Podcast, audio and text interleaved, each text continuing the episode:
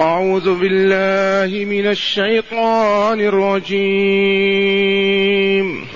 وما من دابة في الأرض إلا على الله رزقها ويعلم مستقرها ومستودعها.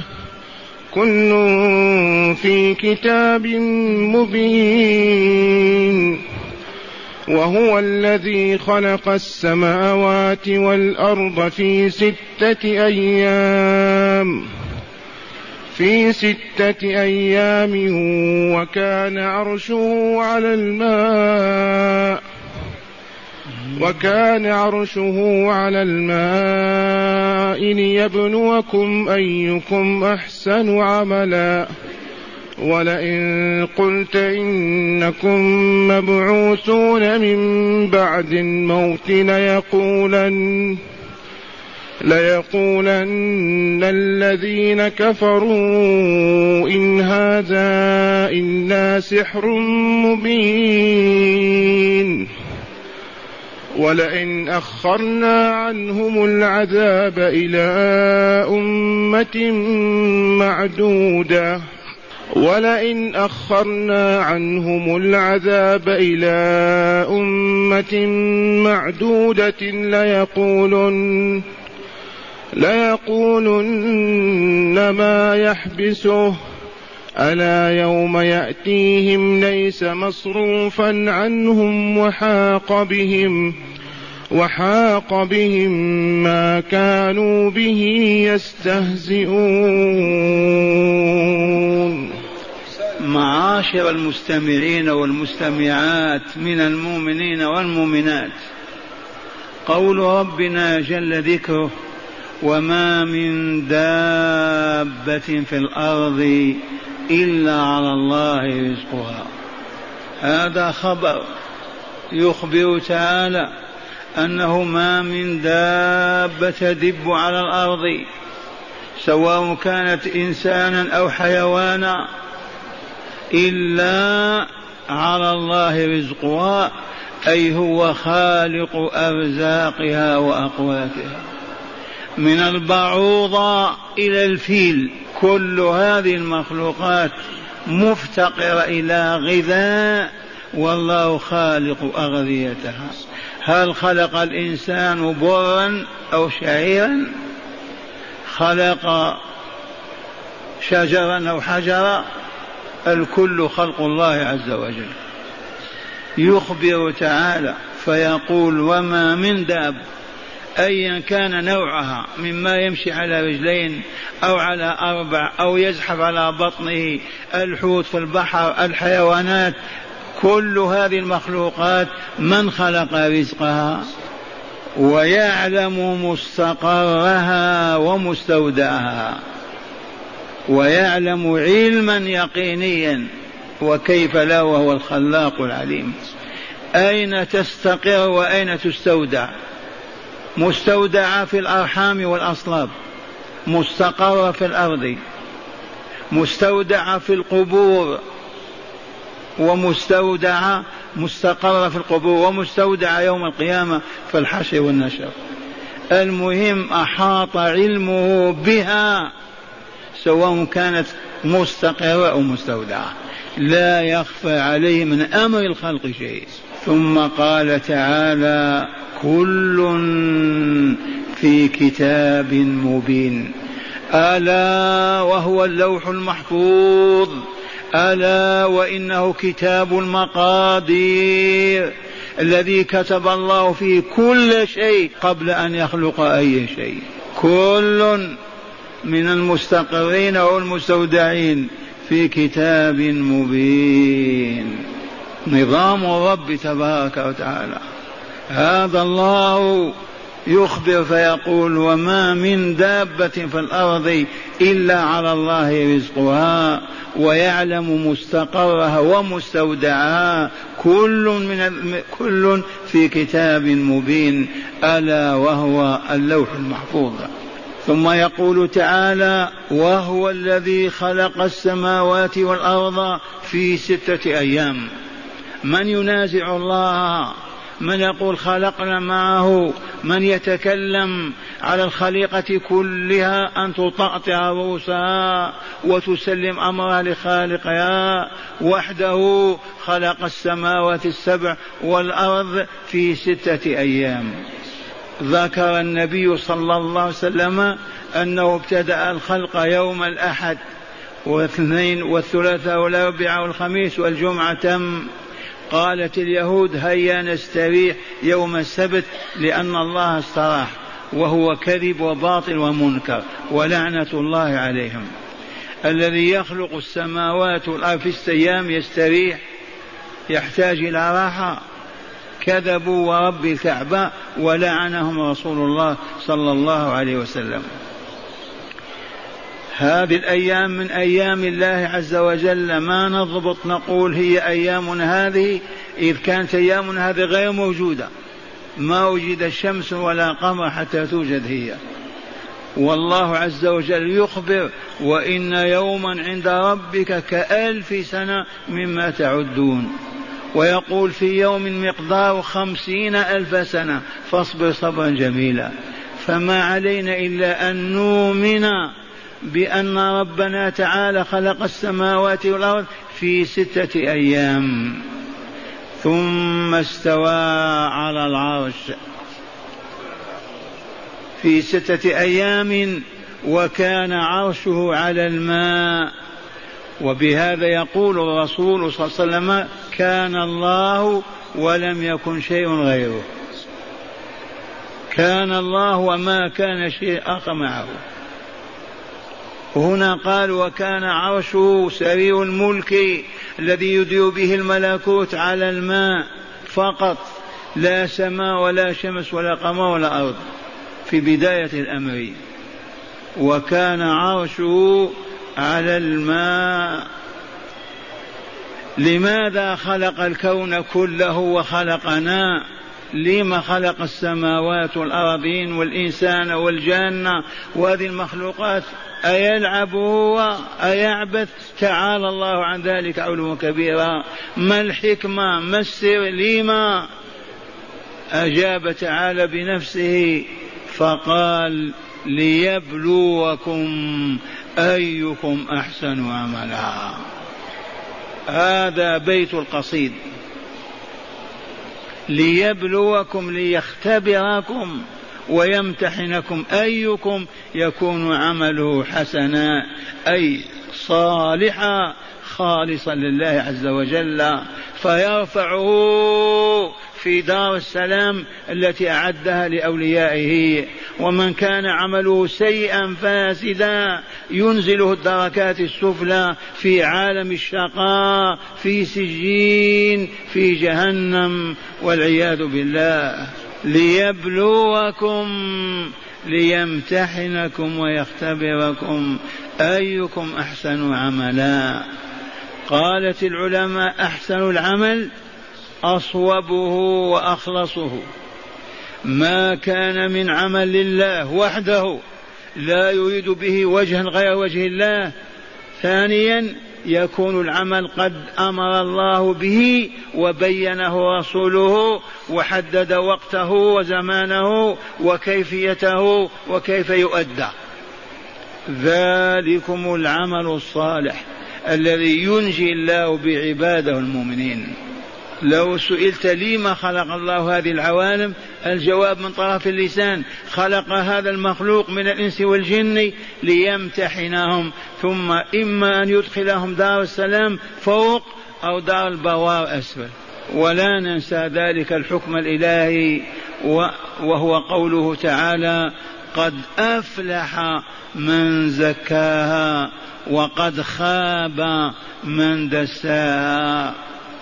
أفلح شق طريقه إلى دار السلام. عبد زكى نفسه طيبها وطهرها وخاب عبد وخسر خسرانا أبديا. دس نفسه خبثها ولوثها باوضار الذنوب والآثام. هذا حكم الله. من يعقب؟ قد أفلح من زكاها وقد خاب من دساها هيا بنا نزكي أنفسنا. أي نطهرها ونطيبها. ما هي مادة التطيب والتطهير الصابون الماء العذب الطايد العطورات. أسألكم بما نطهر أنفسنا؟ قولوا. بالإيمان الصحيح والعمل الصالح. والله لا سواهما شيء إلا رحمة الله. وإن قلت كيف؟ بما تطهر ثيابك أنت وبدنك.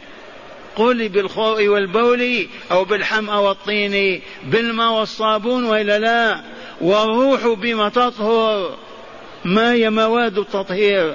اطلبها تجدها. أعرض يعرض الله عنك ولا يبالي بك. بما تطهر بالإيمان والعمل الصالح مع البعد كل البعد عن الشرك والمعاصي. لأن الشرك والمعاصي تخبث النفس وتلوثها. والإيمان والعمل الصالح يطهرها. فأنت مطالب بتطهيرها وإلا لا فطهرها واحذر أن تتلوث عندك. بشرك تشركه في عبادة الله أو كفر أو ظلم أو إثم من آثام من آثام الذنب. ليبلوكم أيكم أحسن عملا. ثم قال لرسوله صلى الله عليه وسلم ولئن قلت يا رسولنا إنكم مبعوثون من بعد الموت. قلها للشيوعيين للبلاشفة للعلمانيين لبلاين الخلق؟ ما هم جماعة قريش في مكة. إلى الآن قل لهم ماذا؟ إنكم مبعوثون من بعد الموت أحياء للحساب الدقيق والجزاء الوافي الكامل بما يجيبونك. يقولون رجعية تخلف عقلي تقليد أعمى أما مشركو مكة ماذا يقولون؟ ماذا يقولون؟ قالوا إن هذا إلا سحر مبين. هذا الذي يقول محمد من الكلام سحر سحركم ففرق بين الرجل وامرأته والرجل أخيه وولده. سحركم فقط ليستولي عليكم ويحكمكم ويقودكم. من أملى عليهم هذه الكلمات؟ إبليس. عليه لعين الله. عندما يقول هؤلاء من أملأها عليهم؟ قرأوها في التوراة أو الإنجيل؟ ما هو الكتاب الذي ورثوه؟ الشيطان يملي عليهم.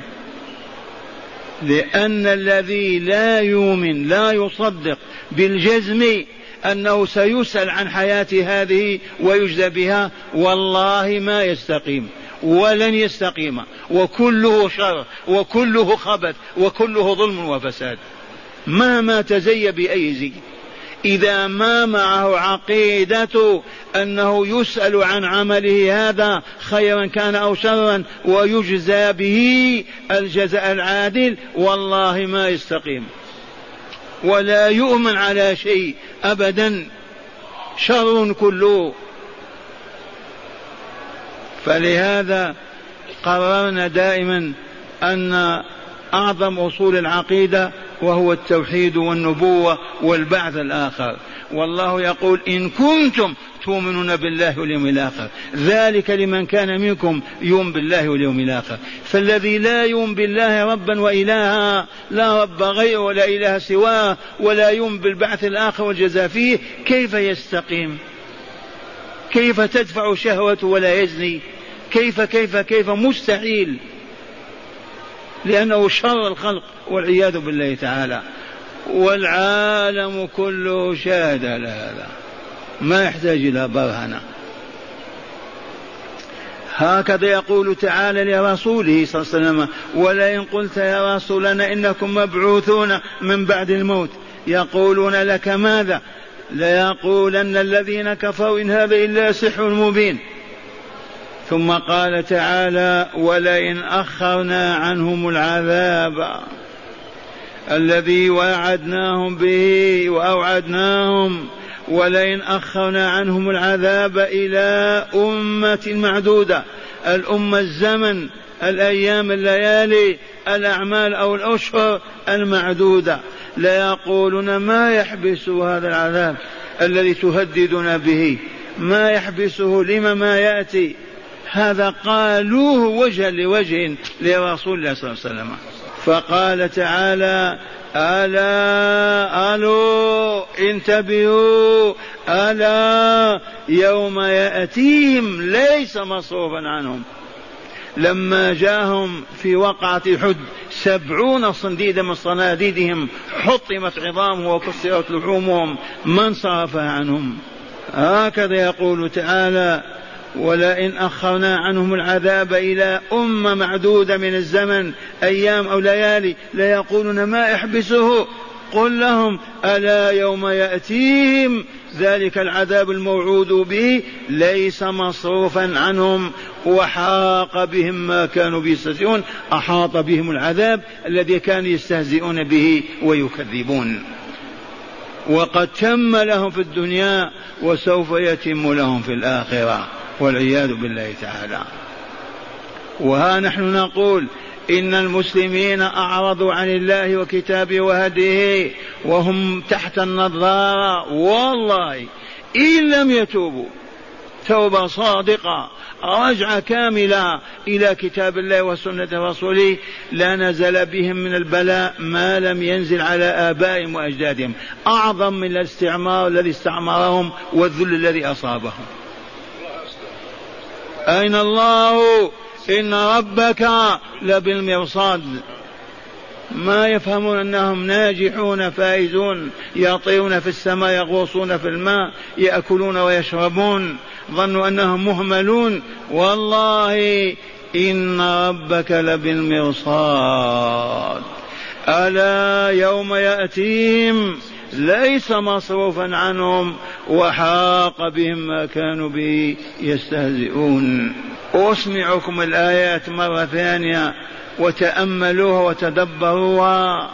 يقول تعالى وما من دابة في الأرض إلا على الله رزقها ويعلم مستقرها ومستودعها. كل في كتاب مبين.